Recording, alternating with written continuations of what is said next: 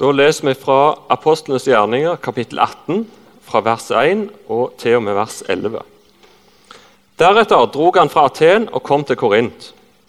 Der traff han en jøde som heter Akvilas og var født i Pontus. Han var kommet fra Italia med sin hustru Priscilla fordi Claudius hadde påbudt at alle jøder skulle forlate Rom. Dem ga han seg i lag med. Og fordi de hadde samme håndverk, ble han hos dem og arbeidet. De var teltmakere av yrke. Men hver sabbat holdt han samtaler i synagogen, og han overbeviste både jøder og grekere. Da Silas og Timoteus kom ned fra Makedonia, var Paulus fullt opptatt med å forkynne, og han vitnet alvorlig for jødene at Jesus er Messias. Men da de sto imot og spottet, ristet han støv av sine klær og sa til dem.: Deres blod skal komme over på deres eget hode. Jeg er ren. Fra nå av går jeg til hedningene. Så gikk han bort derfra og tok inn i huset til en mann ved navn Justus, en mann som fryktet Gud.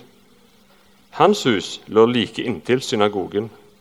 Synagogeforstanderen Krispus kom til troen på Herren med hele sitt hus. Og mange korintere som hørte ordet, kom til troen og lot seg døpe. Og Herren sa til Paulus i et syn om natten.: Frykt ikke, men tal, og ti ikke. For jeg er med deg, og ingen skal røre deg eller gjøre deg noe ondt. For jeg har mye folk i denne byen. Så ga han seg til der i ett år og seks måneder og lærte Guds ord blant dem. La dere merke til hva som sto på det annet siste bildet? Fortsett å tale og ikke tie. Det Der kommer det opp. Frykt ikke, men tal.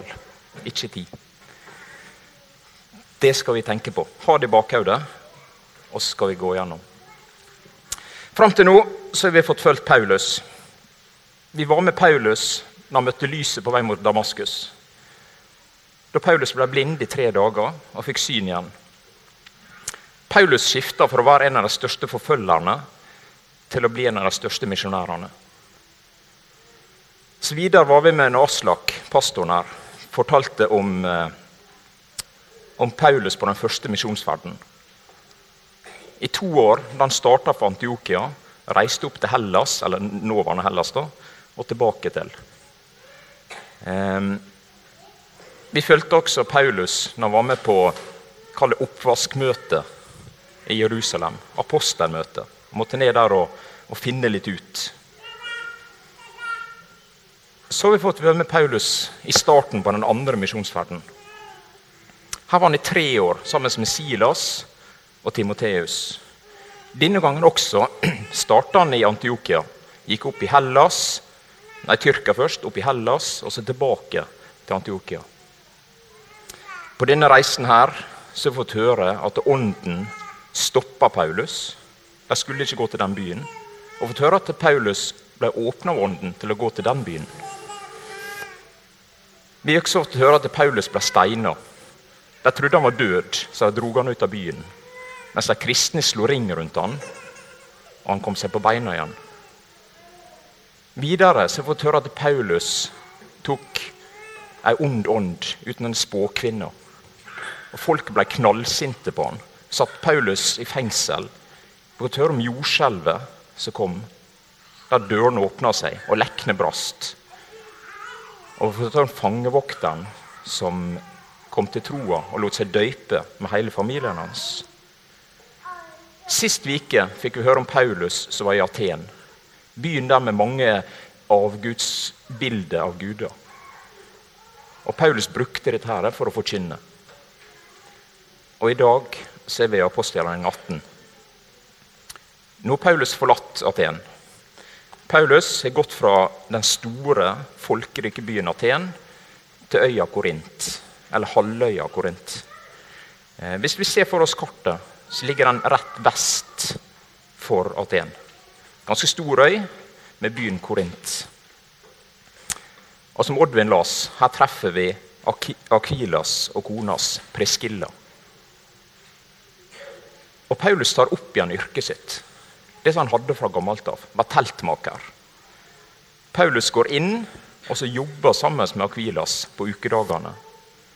Og i helga, eller på sabbaten, så forkynner han ordet. Jeg lurer litt på hvorfor, hvorfor Paulus,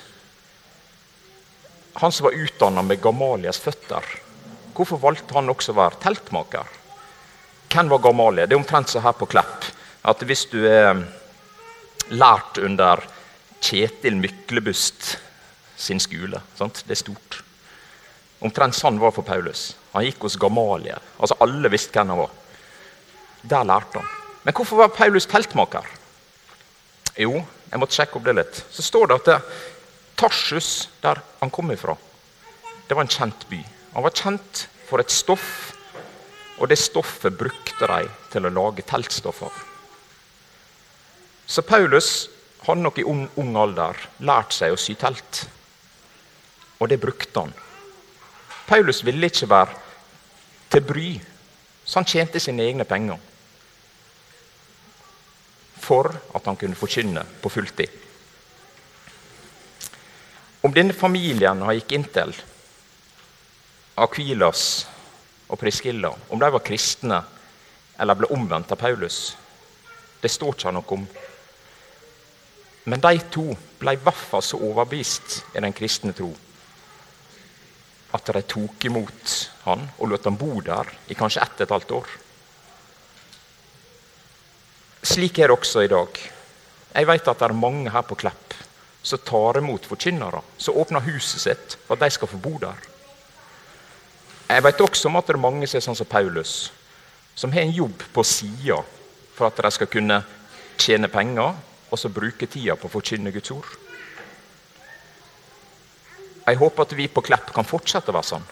En plass der emissærer kan komme på besøk, og de føler seg velkomne. At de kan få bo her. Litt seinere så kommer Silas og Timoteus ned til Korint. De hadde hengt igjen opp i Makedonia, men de kom ned til byen der. Og som det sto i teksten, at jødene de syntes det var tungt og de syntes det var vanskelig å høre på det Paulus sa. Og De møtte ham med spott og de møtte ham med hån.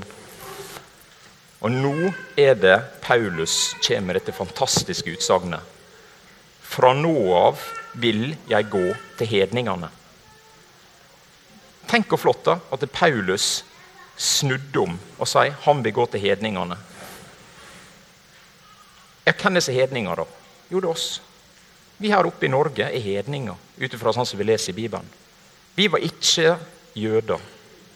Og Paulus snudde om og for rundt og talte. Han begynte å fortelle til det som vi så på filmen, disse 16 000 folkeslagene som er igjen. Hva betyr det at han var hedningen som var apostel? Hva betyr det at Paulus gjorde dette? her? Ja, Det betydde alt for oss. Hadde ikke Paulus starta, så hadde ikke vi fått høre. I starten så var ikke kristendommen en religion, sånn som vi tenker på i dag. Kristendommen starta ut fra jødedommen. Vi er nær slektning, men jødene har ikke skjønt poenget ennå. De mangler Jesus. Så i dag kan vi få drive videre det som Paulus starta med. Vi kan fortsette det som Paulus begynte. Så kommer på slutten dette som jeg syns er så utrolig godt å høre. I et syn på natta, jeg tror vi kan si en drøm, så ligger Paulus der, og så får han se dette som kommer opp. Frykt ikke, men fortsett å tale, og ikke tid, for jeg er med deg. Ingen skal angripe deg, og ingen skal gjøre noe skade. For det er mye folk i denne byen. Tenk oppmuntrende for Paulus da, å få høre. Frykt ikke. Jeg skal passe på deg. Du skal tale. Og Det var litt poenget med tryllekunsten. Når jeg hadde han på søndagsskolen for en stund siden, så skulle alle fram og vise han. Alle måtte se. Yes, dette får jeg til. Sånn håper jeg det kan være med Guds ord også. At når vi kommer hjem, så vil ikke vi være stille om det vi får høre. Det er en sånn brennende ild i oss at dette vil jeg fortelle. Om dere vil fortelle det som ble sagt i dag, eller det dere hørte i en sang, eller det du husker fra bedehuset, det er kanskje ikke det som er viktigst. Men å fortelle hva du møter. Ikke tid. Las dere hva som skjedde med Paulus helt på slutten? Han var der i ett år og seks måneder. Det er ganske lenge. Paulus var ute og gikk i 15 år. Og etter et halvt år av dem var han i Efesos. Unnskyld, i Korint. Tenk da, det han starta der. Og hvem som drev menigheten videre? Jo, det var det ekteparet han bodde sammen med. De drev menigheten videre. Hvordan har vi det i Norge, da? Vet du, Vi trenger ikke å frykte for å fortelle om det vi tror på. Vi kan fritt få gå ut og ta med denne boka og lese og fortelle. Så håper jeg sånn at det kan bli at vi kan komme innom her på bedehuset. Og så kan ordet bli åpna litt for oss. Det kan bli åpenbart for oss, så vi kan skjønne litt til. Sånn at vi kan enda få tenne ilden og brenne varmere og kjenne dette må jeg fortelle. Må ta en liten historie om ungene hjemme. Et lass av unger hjemme.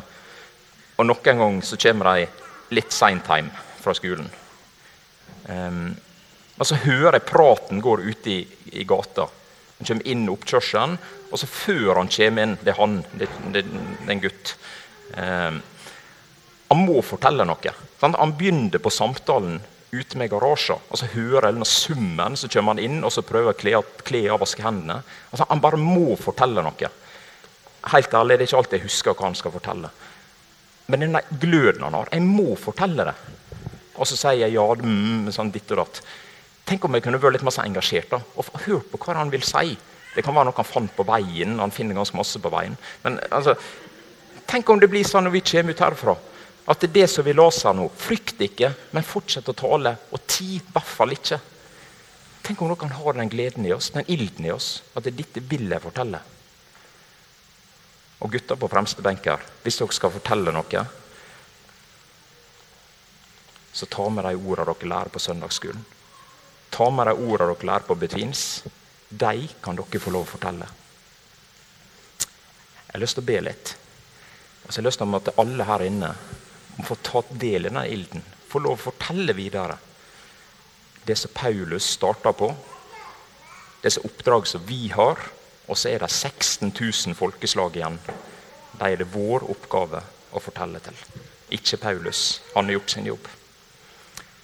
Kjære far, takk for at vi får samles her på bedehuset.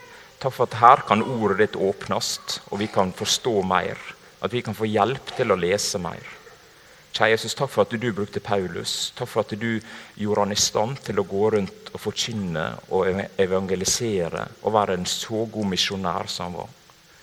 Nå ber jeg om at vi som er her, må fortsette det kallet. At vi må fortsette å være gode misjonærer.